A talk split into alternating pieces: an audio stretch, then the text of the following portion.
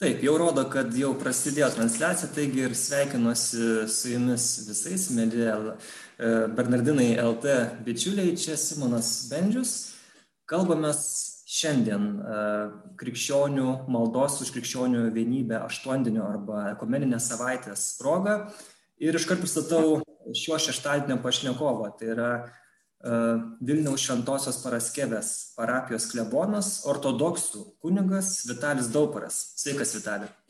Sveiki visi, sveikas Simonai.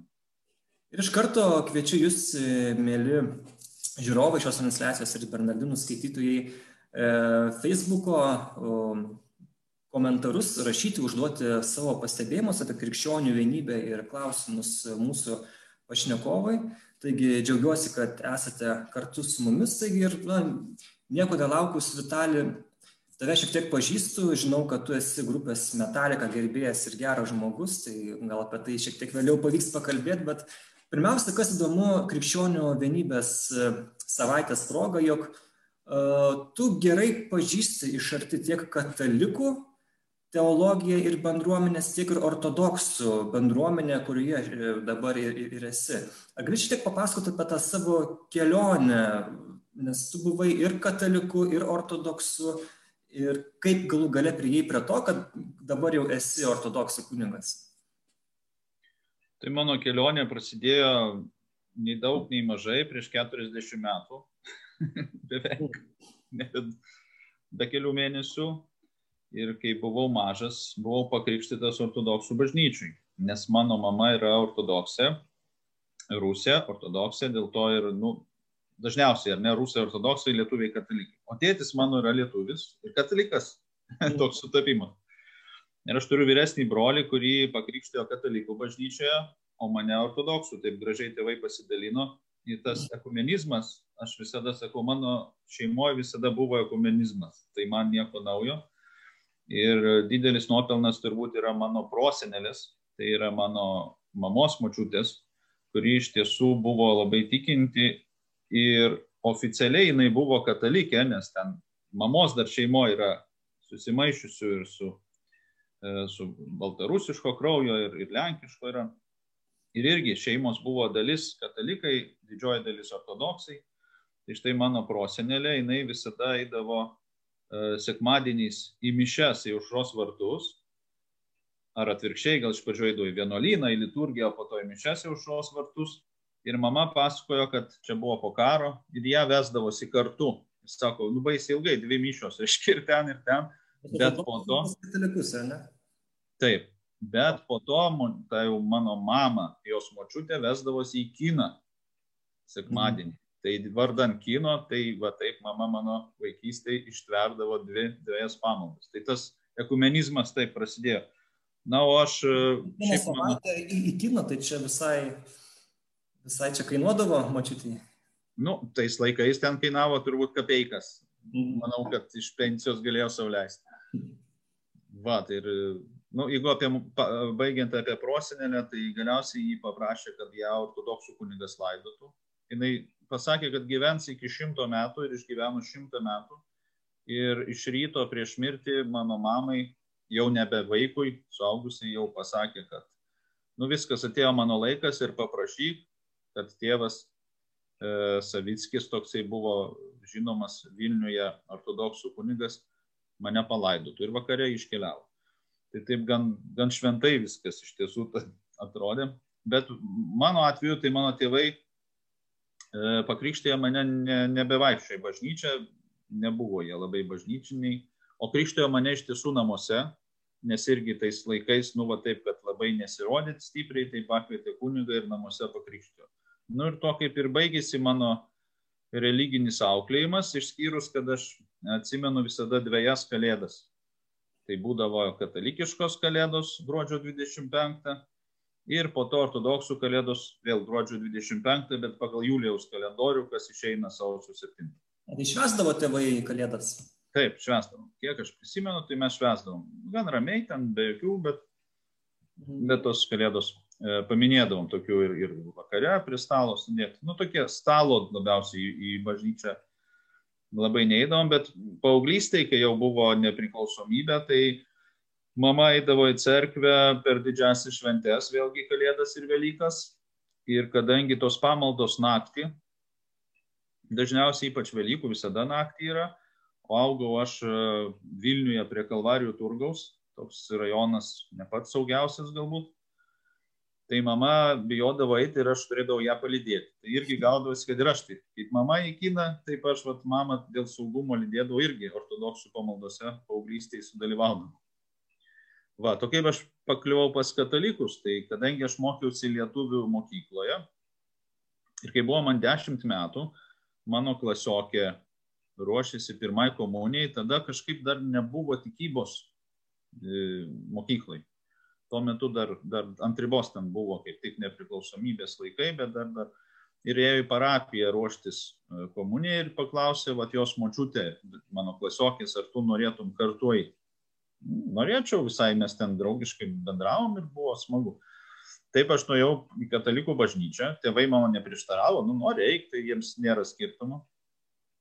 Ir ten klebonas paklausė, krikštytas, taip, kur, namie. A, nu gerai, namie tai namie. Užrašė ir, ir taip aš pakliuvau pas katalikus be jokių perėjimų, apieigų kažko, tiesiog pirmai komunijai ruoštis. Nors ortodoksai priema skaitosi, ar ne? E, krikšto metu gauna ir sutvirtinimo sakramentą ir iškart gali eiti komunijos. Nėra tokio dalyko kaip pirma komunija. Nu, bet kadangi iki galo klebonas neišsiaiškino, kas ten prie ko, tie tokie laikai buvo maždaug. Ir aš nuėjau pirmos komunijos, prieėjau jos, dar po poros metų ar kelių e, vėlgi pas katalikus ėjau sutvirtinimo sakramento, tai aš galiu pasidžiaugti, kad esu prieėmęs visus septynis sakramentus, o kai kuriuos ir po kelis kartus. Netgi tokį kaip sutvirtinimą, kuris yra vieną kartą duodamas, aš esu prieėmęs du kartus. Va, tai esu labai sutvirtintas, tvirtas. ir toks mano tas kelias buvo toj katalikų bažnyčioje ir ten iš tiesų man labai patiko ir pašaukimas kunigystė irgi vaikystėje atsirado maždaug va, tuo pat metu, dešimties metų, truputį vėliau, link, link, link e, paauglystės. Man patiko apskritai viskas, kas susiję tokie su malda, Dievas domino, filmai apie Jėzų, Evangelija dar tą iš e, romanų serijos išleista dar tarybinę skaičiau, nu, va tokie dalykai popiežius Jonas Paulius II buvo atvažiavęs, man irgi didžiulį įspūdį paliko. Ir, nu va taip, o paauglystėje jau vėlesnėje aš užsiverčiau, kaip sakau, reiškia, yra atsiverčiau, o čia aš užsiverčiau ir mhm. pareiškiau, kad aš viskas tikiu, kaip, kaip man norisi ir bažnyčias nevaikščiau. Ir nevaikščiau iki 20 metų.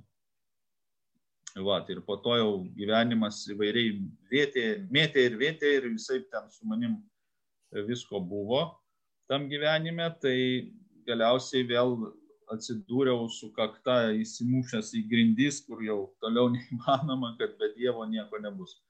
Ir grįžau į tą pačią bažnyčią, kur jau pirmos komunijos. Ir pradėjau eiti mišes vėl lankytis. Vienas, nes man buvo gėda pasakyti, kad aš einu bažnyčią. Savo draugam, tai, tai mobilių dar irgi tada nebuvo, Tai tiesiog nėra manęs nei namie, nei kažką ir klausdavo, kur tu čia eini, kur, kur tu būni, šiaip sakydavo. Mes tas nerandam, namie nėra, su mumis nėra, tai jau ką, čia dar su kuo. O aš sakydavau, einu dar pas vieną gerą draugą tokį pabendrauti. Einu. Nu toks paradoksas, lyg ir meluodavau, bet sakydavau tiesą, nes turėjau omeny Jėzų, nors tuo metu savo neįsivardinau, kad pas tą gerą, o iš tikrųjų geriausią draugą aš einu susitikti. Nu ir ten bevaikštant man kažkaip sugrįžo tas pašaukimas, e, noras kunigystės vėl prisiminiau ir, ir e, sprendžiau, galvojau stoti seminariją. Ir vėlgi, nu, kadangi aš Lietuvoje gyvenu, lietuviškai viskas, nu, va toks irgi tas, va, vis dėlto tas tautinis dalykas, kad lietuviai įprastai yra katalikai. Taip ir gavosi. Merginos neturėjau tuo metu, ir panašiai, tai ir stojau į katalikų seminariją Vilniuje, e, Jeruzalėje. Man buvo 21 metai, įstojau į tą kunigų seminariją ruoštis kunigystį. Vat. Ir ten mokiausi keturis metus. Baigiau keturis kursus. Ketvirtam kursė irgi evangelizaciniai tokioj komandai buvom su kai kuriais dabar jau kunigais, seminaristais važinėdavom po Lietuvą. Tai ten toj komandai tokie ir bičiuliai buvo mano kaip kunigas Marius Žitkauskas, kunigas Algirdas Akilaitis arba kunigas Algirdas Toletas. Nu, tai čia vat, mes visi iš vieno. Taip, visi iš vienos grupelės, iš vieno būrio. Kunigas Pranciškus jūs ir taip toliau. Tai mes bet taip važinėdami ir vieną kartą evangelizavom vieną parapiją, kur man labai patiko jos viena referentė. ir dabar jau beveik 15 metų mano žmona. Ir išėjus, teko išeiti iš seminarijos, aišku, kai šeimos tas pašaukimas atsirado, dirbau jaunimo centre e, Vilniaus arkiviskupijos e, penkis metus Ir, bet kažkas kirbėjo, lyg ir tarnauji bažnyčioje, lyg ir dirbi, bet tas pašaukimas. Alio, taip nutrūko Vitalis. Daug, greičiausiai tas krikšto anspaudas, jisai duoda žinoti. Truputį buvai nutrūkęs keliom sekundėm, kad skai, kad kaip ir viskas gerai tarnauji, bet tas pašauki ir čia jau buvo tokia tyla. Aha, prašau, tai kažkaip. E, tai tas pašaukimas kunigystėje neleido, nedavė pamiršti apie save. Ir čia aš sakau, greičiausiai tas krikšto anspaudas, e, kuris ortodoksų bažnyčios man įdėtas, vis dėlto davė apie save žinot, kad aš ortodoksas vis dėlto ir turbūt turiu tą ortodoksišką pašaukimą kunigystėje, kuris neeliminuoja pašaukimo šeimai. Ir man pradėjo tokios mintis suktis, Bet, nu, tokios nedrasos daug buvo. Ir, ir katalikų seminarė stojant, aš ten greit prabėgau, daug niuansų buvo, kaip aš niekaip neprisirašiau pas kunigą nueiti, bijojau ten saubingai ir iš pažinties nebuvau septynis metus, buvo baisu. Tai čia lygiai tas pats kažkaip buvo, kur aš čia dėsiu. Bet aš e, su draugais, bikeriais, motociklistais, e, irgi važinėjau motociklu, dabar jau kurį laiką nevažinėjau, bet mes keliavom į Ukrainą Žiemą keliavom į, į Kijevą, e, ne su motociklais, mašina ir, ir tiesiog važiavom pro šalį, pro uh, Kijevo Pečiorų Laurą, didžiulį vienuolyną, tokį vienuolynų, Rusios vienuolynų motina, galima sakyti. Iš tolo ten tie kupolai ir viskas. Ir aš sakau, kaip mane tai traukia. Ir iš tiesų dar toks vat, būdavo irgi tas periodas netikėjimo periode savo užsivertimo. Tiksliau, tikėjimo taip, kaip aš noriu, bet jeigu aš prisidirbdavau ką nors, tai aš būtinai eidavau į cerkvę. Cerkvė tai buvo vieta, kur aš numateidavau prašyti Dievo ten, atleidimo, atgailauti, pagalbos. Tai tokia slapta vieta mano būdavo. Tai ir čia mane traukė, sakau, va, tie kupolai. O, o ten buvo mūsų motociklistų klubas toks e, krikščioniškas, irgi ekumeninis ir, ir įvairių, ir katalikų, ir, ir e, protestantų buvo, evangelikų. Ir jiem, jiem kažkaip viskas paprasčiau atrodo. Ir jie sako, nu tai va, paklausk čia man jo, ar tave išleidžia ir eik.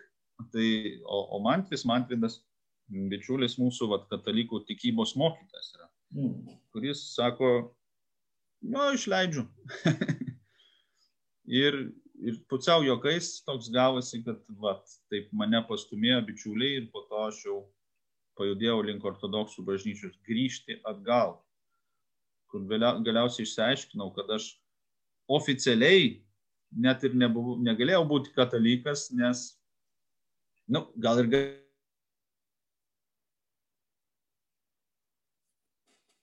Taip vėl šiek tiek. Galėjau, bet oficialiai nebuvo toksai tik tai. Vat, tai, tai ir teko grįžti, nu kaip teko, grįžau, pasirinkau grįžti atgal į tą ortodoksų bažnyčią, užtruko šiek tiek.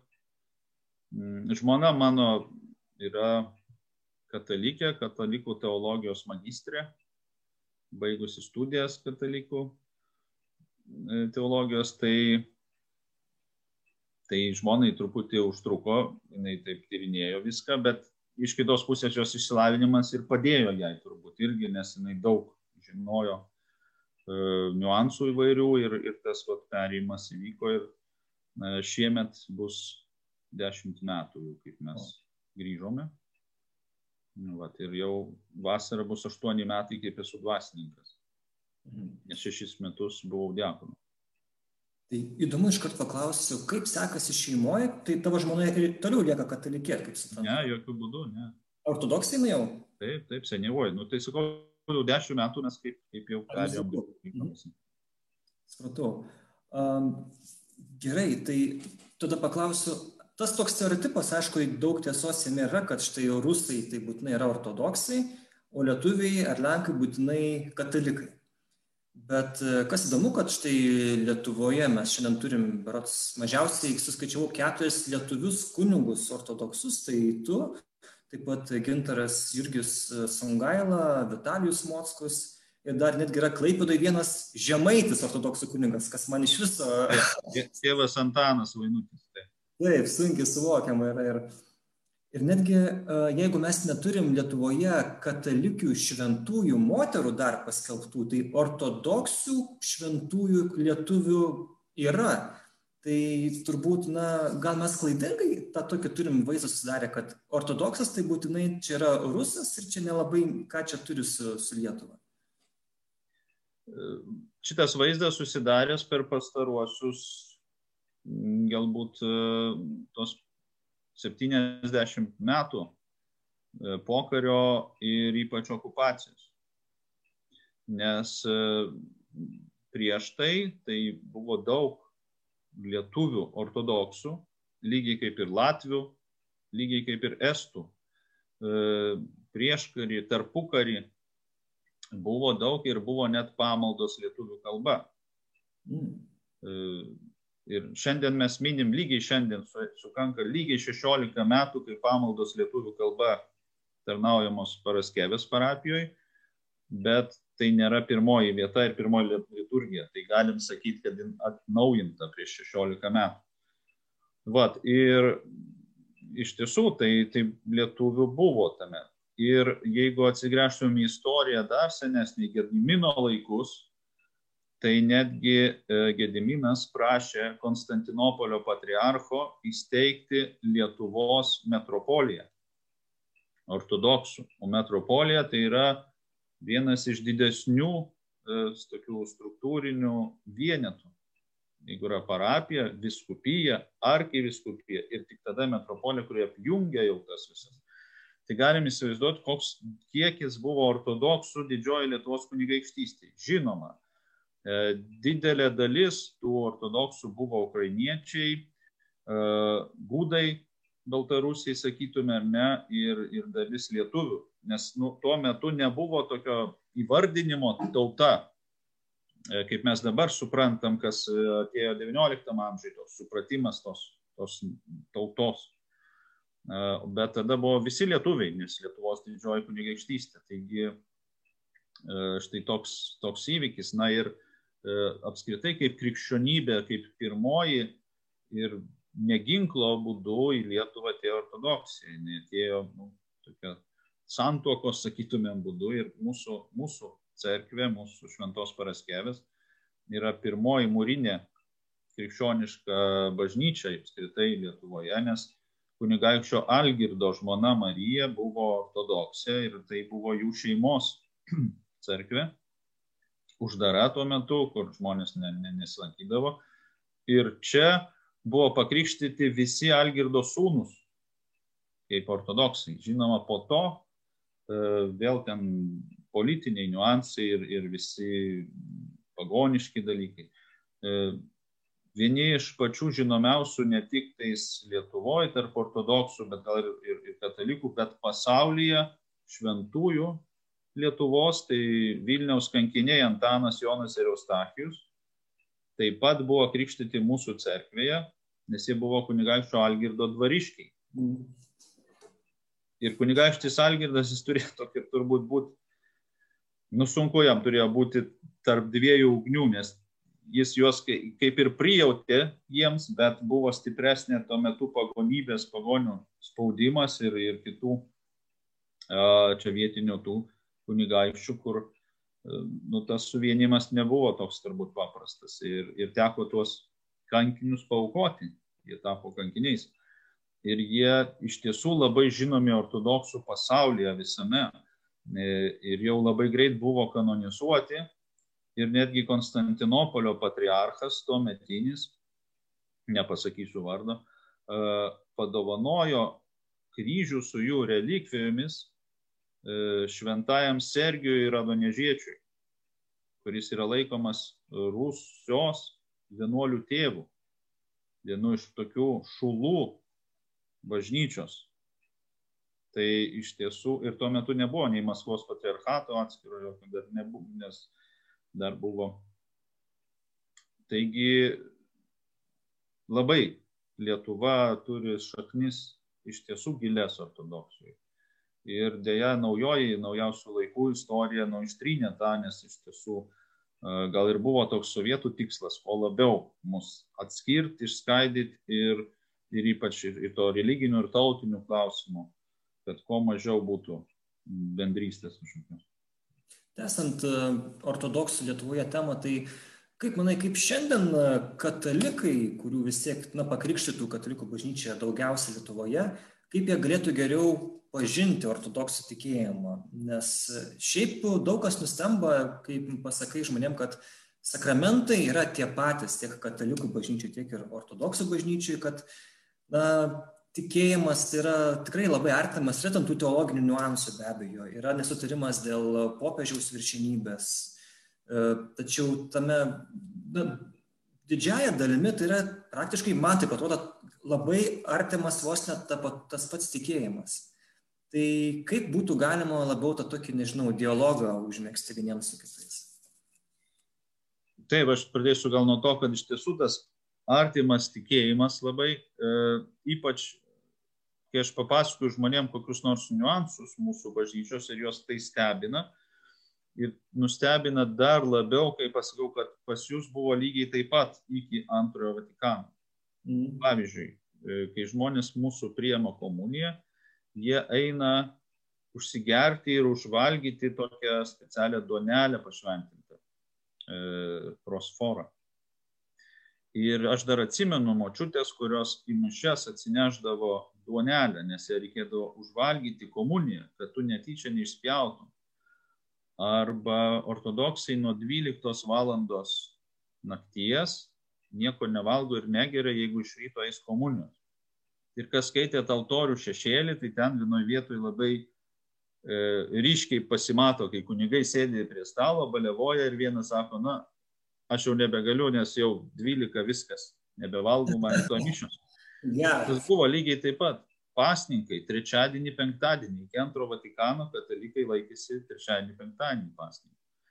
Tai iš tiesų mes esam labai artimi, mes esam labai iškilę kartu, ėję tiek metų, tūkstantį metų ėję kartu ir iš tiesų daug, daug bendro labai yra. Va, kalbant apie ką katalikai galėtų, tai iš tiesų aš dar, kaip ir minėjai, gerai pažįstu katalikų bažnyčią ir daug, daug joje žmonių ir, ir dvasininkų. Ir teko pagyventi Prancūzijoje tokioje ekumeniniai bendruomeniai katalikiškoj. Ir, e, bet tokią problemą, sakyčiau, noriu iškelti, kad nebūtų čia viskas rožiam plota. Nėra taip gražu. ne, iš tiesų yra tokia problematika, su kuria susidūriau tiek čia Lietuvoje, tiek, e, tiek Prancūzijoje, kad katalikai mato ekumenizmą kiek paviršutiniškai, sakyčiau.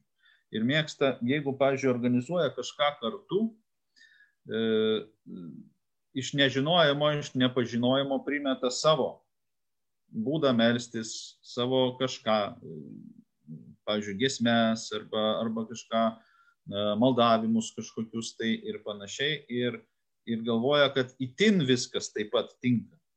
Tai čia kitas niuansas. Iš vienos pusės mes labai artimi, bet dabar jau tiek paėjęs va, tas galbūt, sakyčiau, atsinaujinimas katalikų bažnyčio ar modernizmas dar kitaip būna vadinama, ne. Vienam tai patinka, kitiem ne. Bet vat, klaida kartais yra žmonių, kurie yra itin, sakytume, ekumeniški, kad jie galvoja, kad pas kita yra taip pat visiškai arba tik tai, ką aš darau. Jeigu aš, aš supranti, ką, ką bandau pasakyti. Aš bandau, aš bandau įsivaizduoti, pavyzdžiui, nu, tarkim, taize pamaldos arba kokios kitos. Netgi aš sakyčiau, katalikai labiau iš tokio, aišku, tikrai geraširdiškumo, jie labiau gal taikosi prie protestantų, nes ekumeninės pamaldos tai praktiškai yra protestantiškos pamaldos, nes juose nėra gesmių Marijai, nėra ten jokių rožinių maldų ar dar kažko tiesiog yra, na, tas bendros maldos Jėzui, Dievui. E, giesmės dažniausiai tokios, na, labai lengvos, gitara kažkas groja ar ne, ten aš myliu tave, tu myli tave, arba ten sudėtingiau ir e, tu tai turiu omeny. Taip, taip, taip. E Tai ir, ir, ir tai ne tik tais ekumeninėse pamaldose, jeigu kalbam, pavyzdžiui, apie ekumeninę bendruomenę, kurioje mes gyvename, uh, kurį laiką, tai ten labai pasijauti, kad jūs čia atvažiavote ir prisitaikykite dabar prie mūsų. Bet mes darom. Tai, ir tame tas ekumenizmas, nu, jisai pasibaigė tame, kad nu, arba taip, kaip mes darom, arba kitaip neišeina. Ir galbūt neišeina. Kaip, kaip jūs įsivaizduoji, kaip tikrai galėtų būti toks na, ekumeninės pamaldos, kurios atspindėtų, sakykime, tas tradicijas įvairias - katalikų, ortodoksų, evangelikų? Jeigu aš labai ortodoksiškai pasakyčiau, nieko. Aha. Tai yra neįmanoma. Nes e, mūsų ortodoksų bažnyčioje yra, galim, tokius du dvi eilės, du kelius išskirti, kalbant apie ekumenizmą. Ir mes dažnai vengiam to žodžio, nes labai didelė dalis ortodoksų ekumenizmą laiko ereziją. O. Ir iš tiesų, e, netgi apaštalų kanonai, kuriais mes laikomės, nors žinoma, jie yra jau labai, yra tokių, kurių mes didžiosios dalies mes jų net nežinom kartais bet kai reikia, mes juos ištraukiam ir galim jais pamojuoti.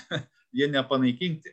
E, visa kanonų teisė ortodoksų bažnyčioje jinai nuo pirmųjų amžių kaip yra ir galiojanti. Ir netgi melstis kartu su kitatikiais yra draudžiama ortodoksui, nu, krikščioniui. O kas yra kitatikis?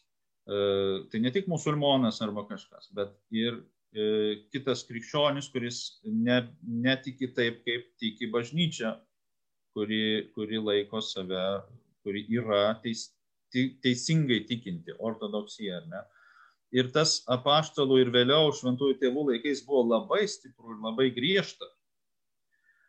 Ir, ir jokių būdų negalima buvo melstis, nes tai grėsia uh, ekskomunika. Tu pasimeldai su eretiku, reiškia, esi jau kartu su jais. Bet ar nėra taip, kad na, tais laikais buvo didesnė skirtis tarp, sakykim, tų krikščioniškų grupių, gnostikai, dar kažkas, nebuvo tiek daug tų tokių, na, sakykim, nebuvo tada katalikų, tuo metu ir ortodoksų labai artimų bendruomenių, ne? nebuvo jokių nei, nei, nei liuteronų, nei reformatų, tiesiog gal tais laikais buvo žymiai labiau tie tikėjimai išsiskirdavo ir dėl to na, automatiškai tu nesimelsi kartu su, tarkim, žmogum, kuris, kad ir išpažįsta Jėzų, bet jo nelaiko visiškai Dievu arba visiškai žmogumi ir, ir panašiai. Tai taip, čia, matai, vėlgi galim jo žiūrėti, kur labiau kas krypsta, kur mažesnės klaidos ar didesnės. Bet griežtąją prasme, tai, e, tai yra taip tokios bazinės tos tikėjimo tiesos, ne, dogmos, kaip mes vadiname, e, mūsų arba jungia, arba atskiria. Tai Tai va, tai yra tie dalykai, kurie, kurie tave gali daryti arba bendratikiu, arba kitatikiu. Va, tai čia labai griežtąją prasme, kurią, kurią iš tiesų laikosi tam tikra dalis ortodoksų, mes tokių galim sutikti ir jie griežtai sakys, bet kokioj formoje ekumenizmas yra e, erezija.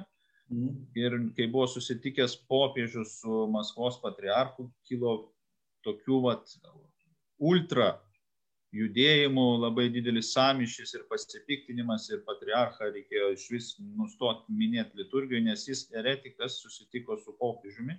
Uh, nors jie net nesimeldė, jie tik kalbėjosi apie tai, kaip padėti krikščionims kitiems, kurie, kurie kenčia nuo karo ir kitų dalykų.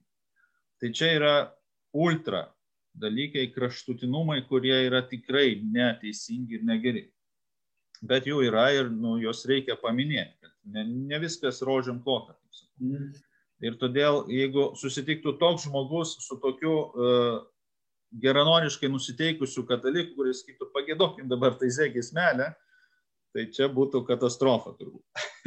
o negalėtų katalikas gėduoti ortodoksiškos giesmės su, su to būtent ultra ortodoksu? Nu, jeigu Anas nežinotų, kad tai katalikas, tai turbūt galėtų. Bet turiu klausimą. Gerai, pratesk.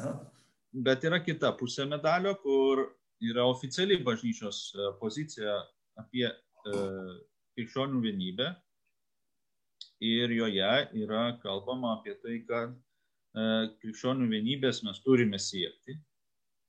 Ir krikščionis, bet kokių denominacijų ir net ne tik krikščionis, visų pirma mes galime vienytis socialinėje veikloje, pagalba artimui, pagalba vargšam, ką ir padarė popiežius su patriarchu. Jie susivienijo socialiniai plotmė padėti kitiems krikščionims. Tai va tas pavyzdys, tai yra mums visiems, ekumenizmo pavyzdys va toks. Mes bendraujame šituo. Kitas žingsnis e, yra ekumeninis dialogas, kur yra sudarytos komisijos ir jos jau daug metų veikia, kur susirenka teologai, mokslininkai, dvasininkai ir taip toliau kalbėtis apie tuos e, dalykus, kurio, kurios mes, kurie mus skiria, kuriuos mes kitaip suprantam ir panašiai. Ir mm, kai kuriuose klausimuose iš tiesų randam sutarimų. Ir e, klausimas, dėl kurio išsiskyrė bažnyčios filiokvė, tai yra ir, su, ir iš sunaus, tiesiogiai išvertus, ar ne, tai būtų apie šventosios dvasios kilimą, tikėjimo išpažinime, kur buvo pridėtas tas ir iš sunaus, vėlesnis intarpas ir jį priėmė katalikų bažnyčia, ortodoksų ne. Ir nu, tai buvo kaip pretekstas mūsų tai didžiai schizmai. Tai tas klausimas jau yra išspręstas, nes tai tiesiog buvo graikų ir lotynų kalbos tokie niuansai, nesusipratimai ir dabar dėl to jau nebesiginčia. Ar ten, nes supratimas kur ir, ir, ir oficialiai yra paaiškinta, kad kyla, šventoji dvasia kyla iš tėvo per sūnų. Ir katalikų bažnyčia. Atrodo, toks paprastas paaiškinimas, o tiek metų čia buvo. Taip, tūkstantį metų negalėjom susišnekėti. Bet per tos tūkstantį metų atsirado naujų klausimų, kaip tu ir minėjai. Kaip popiežiaus neklistamumo dogma, kuri mums yra neprimtina, kaip netgi tokia dogma kaip e, švenčiausios Dievo gimdytos nekaltas prasidėjimas e, katalikų bažnyčios dogma, kur iš principo jinai nepro, neprieštarauja ortodoksam kažkaip labai stipriai. Bet jeigu gilintis teologiškai, tada mes susidurėm su daug problemų. Ir čia nuvažiuojam, toj dogmoj net gali ginčas iki Adomo ir Jėvos čia, čia neperkeltinė prasme, žinai, kaip sako, o jis ilgai pasakos nuo Adomo ir Jėvos. Ne, čia tikrai nuvažiuojam iki Adomo ir Jėvos ir, ir jų uh, nuodėmės. Ir vėlgi apie, apie nuodėmę uh, yra prigimtinė nuodėmė, ar ne, katalikai sakytų, o mūsų yra uh, protėvių nuodėmė arba pirmą pradę nuodėmė ir jau prasme keičiasi ir mes net kitaip tai suprantam. Bet čia gal vėlgi gal yra žodino klausimas, nes esmė mintis tai yra ta pati, kad... Ne, skirtinga. Nu kodėl? Kad tu, tu, tu, tu gimdamas, tu paveldėjai tam tikrą, sakykim, tam tikrą virusą, kurį, nu, kabutėse, kurį užnešė pirmieji tėvai. Tiesiog tu, tu Taip. dėl to gimstus, tu tokio nu, polinkiu daryti blogą. Tai šituo atveju sveikinu, jūs esate ortodoksas. Ne, aš katalikas ne, katalikai sako ir, ir atleidžia nuodėmę, pir, pir, pir, pir, prigimti tą pirmąją nuodėmę atleidžia ir gimusiam kūdikiui. Mesgi sakom, kad ne. Kūdikis ateina, jisai nepadaręs jokios nuodėmės, jam nėra ką atleisti. Taip, jis atsineša virusą, mhm. užkrestas, bet jisai ne, jam nėra už ką atleisti dar kol kas. Todėl, pavyzdžiui, pas mus vaikai po krikšto eina komunijos ir jie eina komunijos sėkmingai iki septynių metų, be išpažinties. Mm. Nes mes laikom, kad, nu, jie nenusideda, jie sąmoningai negali nusidėti, dar jie nesuvokia. Jie ir daro kokių tenais e, kliauzų, zbitkų, bet, bet jie dar to nedaro. O jau nuo septynių metų gudresnis, reiškia, jau jisai gali suprasti, reiškia, jis gali ir jau ir, ir atsiprašyti. Nuo keturių metų, patikėk, jau nuo keturių metų jau. Žinau, turiu dvi dukras. Gerai, bet turiu klausimą. Ekskomunika yra nuimta. E, būtent, e, kai sutiko 64 metais e, popiežius Paulius VI ir, aišku, Konstantinopolio patriarchas, ne Maskvos. Tai turbūt jis, jis nekalbėjo visų ortodoksų vardu, bet gal tu dabar geriau paaiškinsi. Bet kai susitiko Konstantinopolio patriarchas ir Paulius VI popiežius katalikų, jie na, panaikino ekskomuniką vienas kitų atžvilgių, kas buvo prieš tūkstantį metų, kai ta schizma, žodžiu, atsirado. Tai kaip ir šita prasme ortodoksas katalikui nebėra kitatikis ir, ir atvirkščiai. Ir tada pagal viską mes turėtumėm turėti bendrą liturgiją ir čia tokių na, prieš priešų nebeturėtų būti. Tai čia dar kaip tik vat, sugrįžtų truputėlį prie to, ką aš pasakojau apie tą ekumenizmą ir, ortodoksų požiūrį. Tą mm. ultra požiūrį, tada tokį oficialų bažnyčios mokymą pradėjau ir nepabaigiau apie tai, kad socialiniai srity Gerai, tai yra dialogas ar ne, teologinis. Mm. Ir e, tada yra apie maldą ar ne tas. Tai esmė nesimelsti kartu e, reiškia ne eiti komunijos kartu. Kitaip sakant, jeigu aš meldžiuosi tėvę mūsų ir šalia meldžiasi katalikas tėvę mūsų, tai nėra e, nuodėmė, apie kurią čia kalbam, kad viskas reiktų ekskomunikuoti, čia jau didžiausia rezė. Čia ne apie šitą maldą eina kalba. Mhm. Ypač, aišku, jeigu mes kalbėsim, čia, čia kur nors vėlgi yra ultra požiūrį, kaip jau minėjau, ne? bet e, tose šalyse, kur iš tiesų mes esam labai susimaišę, tai čia ir net neįmanoma, ar ne, mes užaugę šeimose, kur tėvas katalikas, o mama ortodoksai ir dabar kaip, ar mes iš vis tada nesimildžiam, ar kaip. Tai, tai toks vat įvardinimas, kad nesimeldžia kartu, lygų netarnauja kartu liturgijos. Dabar kodėl? Ekskomunika panaikinta, ir e, patriarchas Atenagoras žinoma, kad e, galėjo tą padaryti, todėl kad Konstantinopolio patriarchui ir buvo duota ekskomunika, jie viens kitam iš tiesų davė Romos ir Konstantinopolio skupai. E, Romos tuo metu popiežius buvo miręs netgi ir dar nebuvo išrinktas kitas, tuo tarpu, kai buvo ant altoriaus tas jo legatas tėškė ant altoriaus liturgijos metu tą, tą notą ir, ir, ir pareiškė Maranata jums. Tai čia toks humoras, bet iš tiesų taip ir buvo, o Maranata reiškia ateik viešpatie Jėzau, bet nors norėjo pasakyti anatema. Tačiau negerai išmoko. Iš to susijaudinimo jis pakvietė Jėzų.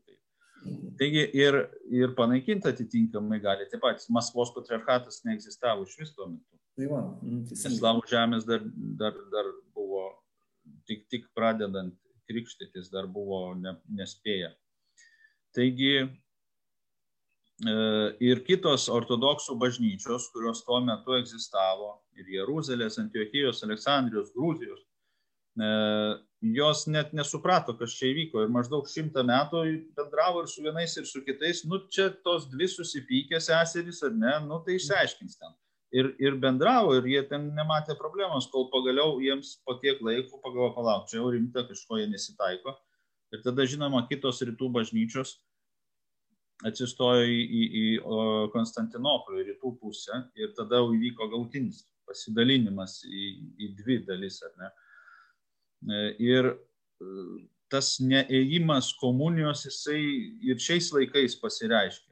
Dabar, pavyzdžiui, Maskvos patriarchatas E, neina komunijos su Konstantinopolio patriarchatu ir su Graikijos dėl Ukrainos, kadangi nesutarė, kas iš tiesų turėtų ten kaip būti ir, ir tie, kurie buvo atsiskyrę savavališkai, e, vėliau ten persi, persigrupavo įvairiai ir Konstantinopolio patriarcho jiems buvo suteikta ta vadinama autokefalija, nors labiau autonomija, bet Maskvos patriarchatas to nesutinka ir kaip nesutikimo išaiška e, nutraukė komunijos arba eucharistinį bendravimą. Kitaip sakant, prie vieno stalo, jeigu esi, kaip Kristus sakė, jeigu tu eini, neši auką Dievui e, ir prie aukuro prisimeni, kad turi kažką prieš savo brolį, palik tą auką ir grįžk su broliu, pirmiau sustaikyk, o tada grįžk ir aukok auką Dievui. Tai šiuo principu vadovaujantis, jeigu mes kažką turim prieš brolį, mes negalim tos aukos kartu nešti. Tai, tai, o su katalikais, katalikų bažnyčia mes dar turim kažką. Na, ne, kaip jau pradėjau sakyti, kai kurie yra dogmos, kai kurios dar nesutarimų yra per tūkstantį metų prisikaupę. Tai aš sakau, nu bent porą šimtų metų reikės, kad atkapstyti atgal dar viską.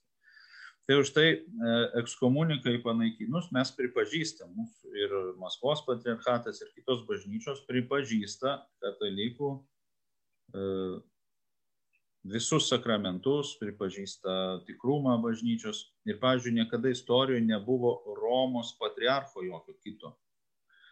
Skirtingai kaip dėja e, Romos katalikų bažnyčios patriarchų yra tiek Jeruzalėje, pavyzdžiui, ar ne savas patriarchas. Bet ortodoksai iš pagarbos Romos vyskupui savo jokio patriarcho ten nesiuntė, nes žinojo, kad Romos vyskupas jis ten yra, popiežius, nors mes ir nesikalbam. Tai čia va toks tas, tas išliko iki šiol. Ir už tai mes pripažįstam visus sakramentus ir, ir taip Taip, Vitalė, mes turim 20 minučių klausimų, yra daug labai įdomu bendrauti. Dabar pamatykim šiek tiek trumpiau, gerai, nors mums atsintė, e, parašė klausimų e, Bernardinai LT skaitytojai. Kai kurie susijęs su ortodoksų Lietuvoje pavaldumu Maskvos patriarchatui, tai gal mes, e, gal mes šitą klausimą, gal jūs parašysite? Galim, galim paliesti, nes iš tikrųjų žmonės yra... yra... Jo, gal geriau palieskim ekumenizmo klausimą labiau, kas susiję, o šitos gal kviečiu visus rašyti į Messengerį Bernardinai LT. Turim rubriką Klausk Bernardino, aš manau, kad Vitalis ar kas nors kitas galės atsakyti į tą jūsų klausimą išsamei ir tiesiog tada gal palikim kit, kitiem kartam. E, Emilija klausė, kodėl, pavyzdžiui, ortodoksas ir katalikė moteris negali gauti santokos sakramento? Kodėl būtinai turi, pavyzdžiui, vyras pereiti į katalikybę ar atvirkščiai, kad galėtų jie susituokti? Mm, taip nėra, aš nežinau, kas jums taip pasakė. Gal, gal taip suprato iš, iš tavo na, pasakymo, kad tavo žmona perėjo pas ortodoksus. Taip, bet čia buvo kalba apie kunigystę. Aš kunigas esu ortodoksų, todėl negali mano žmona būti, ne, nes tu kaip tavo šeimoje neganytojas, o ganysi kitus. Mhm. O santoka tai ne, puikiausiai mes tuokėm ir beje ortodoksai anksčiau negu katalikai leisdavo, nu visada leisdavo tuokti su katalikais. Mm, o vėlgi iki antro Vatikano, jeigu ateitum tuoktis katalikų bažnyčią su ortodoksu, tai jis turėtų perėti į katalikus. Vat. O šiaip tai tuokiam, žinoma. Mhm. Klausė Laima, ar ortodoksai turi išpažinti? Taip, turim visus sakramentus kaip ir katalikai. Ir dar daugiau. Dar daugiau. Gerai, toliau. Uh... Nu, tas daugiau galėsiu po to papildyti. Gerai. Aušinė klausė, kodėl dažniausiai protestantai yra nusteikę griežtai prieš katalikus. Tenka susilaukti iš šių replikų, kad katalikai Mariją laiko aukščiau Jėzaus bei garbina statulas. Na, turbūt panašiai ortodoksams. Irgi Marija yra labai aukštai, ortodoksai garbina ikonas ir turbūt tų priekaištų taip pat susilaukia. Čia taip, taip, va, mes Mariją čia turime. Ne? Čia dar turime prieškimą Mariją ikoną, čia trybės ikoną. Aš manau, iš nežinojimo ir iš, iš, iš e, klaidų. E, man tai visada būna, ypač buvo taip jokinga, sakyčiau, kad mes, e, kai mokėmės bažnyčios istoriją ir mokėmės susirinkimus bažnyčios ir, ir erezijas, tai protestantai sėkmingai visas erezijas kartoja. Ir elementariai pasiskaitykite istoriją, pastudijuokit bažnyčios, to viskas jau atsakyta jau šventieji tėvai viską atsakė. E, ir iš tikrųjų nieks negarbina Marijos labiau negu Dievo, jokių būdų. Ir Marija su tuo nesutiktų pati. E, ortodoksų maldoje yra taip, garbingesnė už cherubinus ir nepalyginamai šlovingesnė už serafinus. Tai taip, Marija yra daug aukščiau už visus angelus ir galybės dangiškasis, nes jį pagimdė patį Dievą.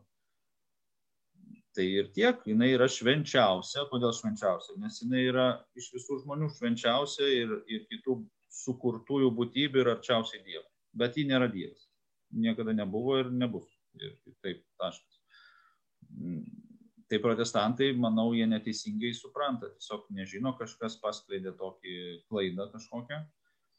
Ir jie, vat, ją pasigavę taip ir mastų. Apie ikonas lygiai tas pats. Buvo didžioji ikonoklazmo erezija, kuri truko šimtą metų, karai vyko, žudė žmonės dėl to.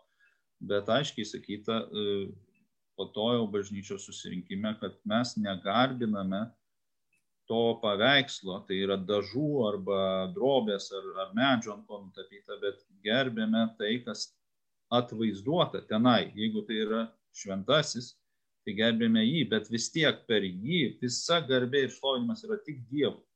Tai yra priemonė, kurią mes naudojamės tam, kad atiduot garbę ir šlovę Dievui. Ir šventieji lygiai taip pat juos pagerbdami mes atiduodam garbę ir šlovę Dievui.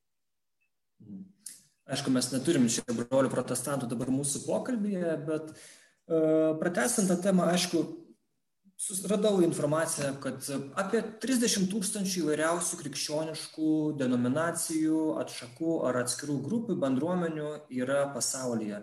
Daugiau negu tūkstantis vien jungtinėse valstijose ir na, kai kurios labai radikaliai skiriasi savo teologiją vienos krikščioniškos bendruomenės nuo kitos, nors išpažįsta tą patį Jėzų, tą pačią trejybę. Ir na, žmogiškai tiesiog ar nėra na, liūdna ir skaudu, kad štai Jėzus meldė, kad visi būtų viena. O ką mes dabar matom, kad daug tokio yra susiskaldimo pat, tarp pačių krikščionių. Tai turbūt tas ortodoksų griežtumas ekumenizmo klausimų va čia yra labai gerai paaiškinamas. E, tam, kad ne, neprieiti iki šitokių mastų, reikia iš karto brėžti ribą ir, ir kartais atrodo, nu, Dievas vienas, koks skirtumas, ar ne? Ar ten taip, ar taip supranta. Ir iš tiesų, nu, ten žmogus, kuris nestudijuoja giliai teologijos, nėra kunigas ar, ar teologas, tų niuansų net nežinos ir jam nereikia to žinoti. Tačiau, e, kai atsiranda tie niuansai, dėl kurių žmonės ginčiasi ir tada prasideda va, tie atskilimai ir ir tada iškyla daug bėdų. Skaldyk ir valdyk. Tai čia turbūt e, toks šitono džiaugsmas, kai mes visi taip susiskaldę. E, ir už tai yra ortodoksų bažnyčioje labai svarbu laikytis e, tos vadinamos tradicijos iš didžiosios raidės arba paveldo, aš mėgstu sakyti, e, kurį mes gavome iš apaštalų ir iš šventųjų tėvų. Mm, tai yra tie žmonės, kurie savo šventų gyvenimų paliudijos teisingumą savo tikėjimo ir mes jais remiamės. Ir mes tikime tuo, ką jie sakė, nekeisdami viso, kažkaip ne, į, į nieką kitą. Protestantizme atsirado problema, kad sola skriptūra ir, ir tos tradicijos nebeliko, nebesirėmė tuo apaštalų tikėjimu, kuris yra perduotas tiek katalikų, tiek ortodoksų bažnyčios, kurią mes viena ir kita bažnyčia išlaikom iki šiol. Ir todėl atsiranda daug interpretacijų. Šventas raštas yra parašytas e, nu, be smulkių paaiškinimų. Jis yra gan platus ir jį gali labai įvairiai interpretuoti. Ir jeigu interpretuoji ne bažnyčios kontekste, ne bažnyčios dvasioje, ne pagal bažnyčios mokymą, tada gali prisinterpretuoti įvairiausių dalykų ir, ir, ir sakyti, kad visi kiti yra neteisingai mąstantis, kas irgi yra dabar postmodernizmo laikų, tai yra kiekvieno nuomonė yra tiesa. Vėlgi, su tuo niekada negalim sutikti mes krikščionis. Tiesa yra viena ir ji yra Kristus. Ir viskas, nėra daug tiesų, nėra ten ar patriarcho, ar popiežiaus, ar, ar klebono tiesa. Ne, yra Kristus ir jo tiesa perduota per bažnyčią.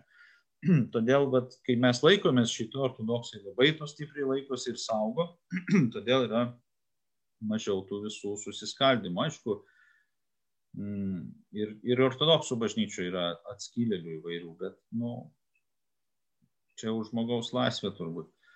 Ir, ir turbūt, e, kartais yra, kurie mano, kad yra krikščionys, bet jie visiškai ne krikščionys. Mm, galbūt jie, jie tą Jėzų žino kažkaip išpažįsta, bet, bet toli gražu negyvena krikščioniškai ir, ir taip toliau. Tai, tai negali tokių žmonių vadinti krikščionimis arba broliais, kaip sakė Paštas Paulius. Tamsa nėra šviesa.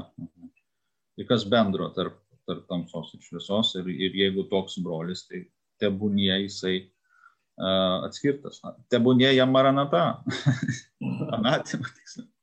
Aišku, kas bendra, tai vis tiek, aišku, noras, noras na, pažinti tiesą, jeigu, ne, kad, kad ir vieni tą tiesą pažįsta vienaip, kitaip, bet tas troškimas yra, Dievo troškimas kiekviename žmoguje yra išugdytas ir na, į, įgimtas, galim taip sakyti, ar ne, įgimta nuodėmė, bet, bet, bet, bet įgimtas ir troškimas Dievo artėjimas prie. Taip, aišku, taip. Tai, tai ar tu meldiesi už krikščionių vienybę vat dabar mes jau užbaigėme maldos už krikščionių vienybę savaitę ar tu ir ortodoksų bendruomenė lietuvoje ar prie to tos maldos akcijos kaip čia pavadinti ar prisideda e, konkrečiai prie maldos savaitės neprisidedam, nes melžiamės kiekvieną liturgiją už krikščionių vienybę. Visus metus nesustodami. Tai atskirai dar nereikia. Okay. Aš tarnavau beje pamaldą, specialiai rašinėjau Biblijos draugijos prašymų, tai vat, specialiai tikrai pasimeldžiau vieną kartą. Bet iš principo mes turime e, maldavimą netgi liturgijoje, Jono Ausaburnio dar parašyta ir, ir, ar Baziliaus dydžio, kad iš tiesų, kad už, už krikščionis. Tai žinoma, įvairiai galim galvoti pasąmoniai ten, ar už kokius krikščionis dabar čia vienybė mes. Noriu paklausti, kaip, kaip tu įsivaizduoji krikščionių vienybę? Tu aišku suminėjai, kad tai, aišku, galime mes bendradarbiauti socialinėje plotmėje, dirbdami kartu, tie meilės darbai, padedami vargšams, tarkim, ir matome politiniais klausimais, kai ten klausimai dėl įstatymų susijusių su gyvybės apsauga arba e, šeimos institutu, tai irgi susivienė skirtingų denominacijų viskupai ir parašo raštus pareiškimus turbūt, kad visi bus viena, kad visi lankys na, bendrą liturgiją, tiek ir protestantai, tiek ir ortodoksai. To ir nereikia. Ir nereikia, čia turbūt ir neįmanoma. Katalikai ortodoksai galbūt ateitie po kelių šimtų metų, jei Dievas duos, bus kartu, bet kaip dar tu įsivaizduoji, kaip dar ta krikščionių vienybė jinai galėtų pasireikšti? Tai čia, vat, kaip pradžioj paklausė, kokios tos galėtų būti ekumeninės pamaldos, ar ne, tai aš mhm. sakiau, jokių. Tai kodėl aš taip atsakiau? Todėl, kad ekumeninės pamaldos tai toks mišinys, kur ir vieni ir kiti nejaukiai jaučiasi, nes tai nėra mano. Mm. Ir nėra niekieno iš tikrųjų, nes vat mišinys. Tai tikrai neturėtų būti mišinys, nes tai bus sinkretizmas kažkoks krikščioniškas. Kiekvienas meldžiasi e, arba gyvena taip, kaip jo ta tradicija moko, tačiau mes visi priklausom Dievui priklausom Kristui, išpažįstam tą pačią trejybę, Dievą trejybę ir pasitikim Dievo gailestingumu. O Dievas yra gailestingas ir klystantiem ir jeigu mes vieni už kitus melžiamės, uh, mylim vieni kitus, tos meilės darbus, o nebūtinai tik vargšam, elementariai padėti vieni kitiem, ar ne? Ir tas Lietuvoje labai gražu, mūsų bendravimas Lietuvoje visų, ir katalikų, ir ortodoksų, ir, ir, ir liuteronų, ir, ir reformatų ir kitų evangelinių bažnyčių ir tas pats buvęs tikėjimo žodis dabar jau evangelinių bažnyčių, kaip ten tas sąjunga ar ne, turbūt vadinasi. Visi mes esam kažkaip vieni kitiem padėję kažkokiu būdu, susitikę, matėsi mūsų krikščionių, tokių tikrųjų krikščionių dabar mažuma jau darosi visai. Ir todėl va šitoj vietoj mes artėjame. Ir kiekvienas išpažįstame tą patį Dievą, tą pačią trejybę. Niuansai yra taip, bet svarbiausia neprimetinėti e, per jėgą kažkokią savo vienas kitam, o, o kitas dalykas nebandyti sumaišyti į vieną krūvą, nes gausis negražu, neskanu, nedėra. Ir kitas dalykas, kad uh, pamečiau mintį dabar vat, apie tuos irgi kalbant protestantus. Čia aš prisimenu uh, Solovjovą, tokį filosofą, kurį uh, po to labai gražiai aprašė mūsų Lietuvos iškilus labai filosofas Maceina Antanas. kur pasakoja apie laikų pabaigą, kuomet įsiviešpatauja antikristas. Ir visi krikščionys yra persikiojimai ir išvaromi į dykumą. Ir ten yra popiežius, popiežius Petras, ir patriarchas Paulius, ir protestantų ten liuteronų, kažką dabar neatsiminsiu vardų, bet va taip simboliškai pagal apaštalų vardus pavadinti, išvaromi į dykumą. Ir štai ten dykumoje jie tampa vieną, susivienį. Tai čia labai gražu, du iškilus rusų ir lietuvių vat, filosofai, krikščionys filosofai iš didžiosios raidės iš tiesų va tą tokį pasaulio E, vaizdą nupaišė, kuomet krikščionis taps viena. Kai jie bus išvaryti į dykumą atėjus antikristui. Kitaip sakant, iki pasaulio pabaigos mes turėtumėm susivienyti. Nu, tiesiog jau čia, kaip sakoma, kai buvo Lietuva okupuota, sąjūdis visi buvo labai vieningi, nes turėjo vieną bendrą priešą, tai iš reikalo, žodžiu, anksčiau ir vėliau tas susivienimas turėtų įvykti. Bet aišku, tai, bus, tai, tai nebus lengva ir tai nebus geri laikai, bent jau krikščionės tuo tiki. E, jie bus geri krikščionim, nes Dievas savų neapleis. Ir mes, kad, kaip sako paštalas, kai pakelkite, ištieskite, išsitieskite ir pakelkite galvas, nes jūsų išvadavimas arti. Ir va tada mes visi kartu galėsim laukti Kristus. Nes, nu, Kristus, čia žinai, yra toks anegdotas, ar pabaigai turim porą minučių, ar ne? Kai vyksta futbolo rungtynės, žaidžia protestantai su katalikais. Ir žiūrovas Jėzus sėdi. Ir įmušia įvartį protestantai ir Jėzus, valioja, rėkia, įmušia. Nu ir po to atvirkščiai, katalikai įmušia. Ir Jėzus vėl, valioja. Palauk, tai Jėzau, tu už ką? tai aš manau, kad va taip panašiai kažkaip kaip tam anegdote Dievas serga už mus visus. Nes kiekvienas asmeniškai mes turim tą asmeninį santykį su Dievu su, su, su, susijęti. E, man šiandien, šiandien per, per radiją, kuriame tu dirbi, graži laida buvo apie, apie tėvą Stanislavą. Ir jisai pasakė vieną frazę, ten toks įrašas buvo, sako, e, nepainiokite religijos su tikėjimu su tikyba, sakė, religijos tikėjimu nepainiokite. Tai yra skirtingi dalykai, bet sako, kad tikėjimas be religijos niekaip negali. Tai yra jo išraiška. Tai va čia yra labai svarbu, man atrodo. Tikėjimas kiekvieno mūsų asmeniškas ryšys, santykis su Dievu, o religija arba denominacija, sakykime, tai yra tai, kaip mes jį išreiškime. Ir jeigu mes kiekvienas taip žiūrėsime į savo denominaciją, tada šlovė Dievui. Bet jeigu mes žiūrėsime ir ieškosim, kur čia mums e, pasipykti ir pasiaiškinti, kas teisesnis iš savo puikybės, tada jau nebus šlovė Dievo. Tai vat, manau, kad iš tokio reikia vidinio labiau.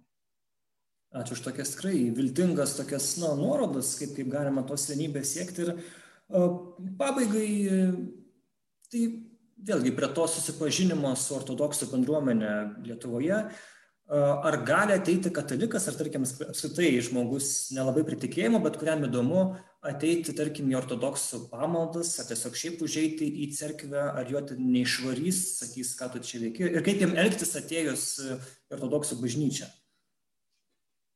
Žinoma, jo neišvarys ir, ir visi labai esate laukiami ir tiek ypač mūsų parapijoje, bet ir visoje Lietuvoje, man atrodo, iš tiesų gali pasitaikyti tokių, žinai, kaip būna, kaip sako, su rožančiais, kur mojuojasi mačiutės, tai ir mūsų pusėje yra, kur, kur sako, nu, ten tu beskarelės arba ten dar kažkaip, bet, nu, stengiamės, kad to nebūtų ir bent jau iš, iš tikrai iš tokių iš dvasininkų pusės visada atvira ir papasakos, parodys ir paaiškins.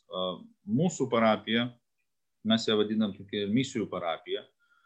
Misijų tai mūsų misija yra pasakoti apie ortodoksų tikėjimą tiem, kas nežino. Dėl to mes ne tik dėl savęs tarnaujam lietuviškai, kad mums būtų paprasčiau, bet ir dėl kitų lietuvių, kurie tikrai nesupras slaviškai, kad atėję galėtų išgirsti, suprasti, ką mes ten sakom, kaip sakom ir panašiai. Ir iš tiesų labai stengiamės tuo dalintis. Ir ekskursijos būna, ir moksleiviai atvažiuoja, ir į mokyklą einam, jeigu kviečia tikybos mokytojai.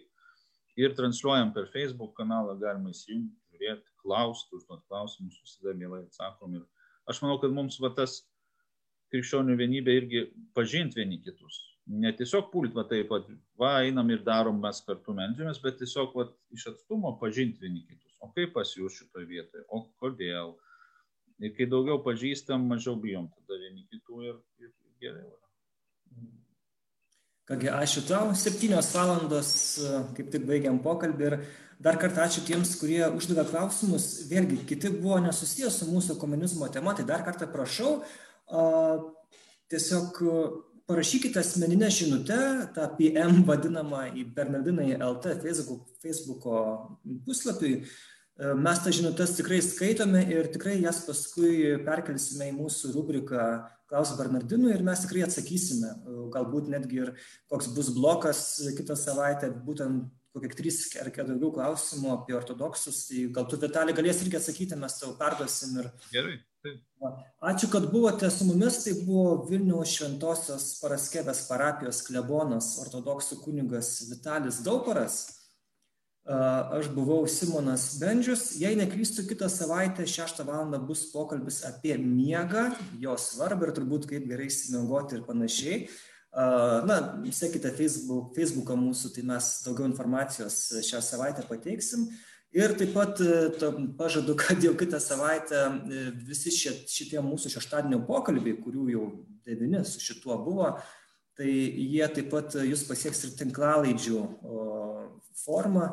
Tai bus, žodžiu, audio įrašai, garsas visų šitų pokalbių įvairiose platformose, taigi bus žymiai patogiau jų susirasti ir, ir klausytis, nebūtina bus atsidaryti Facebook'o ir, ir žiūrėti video.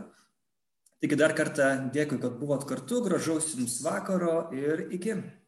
Su Dievu.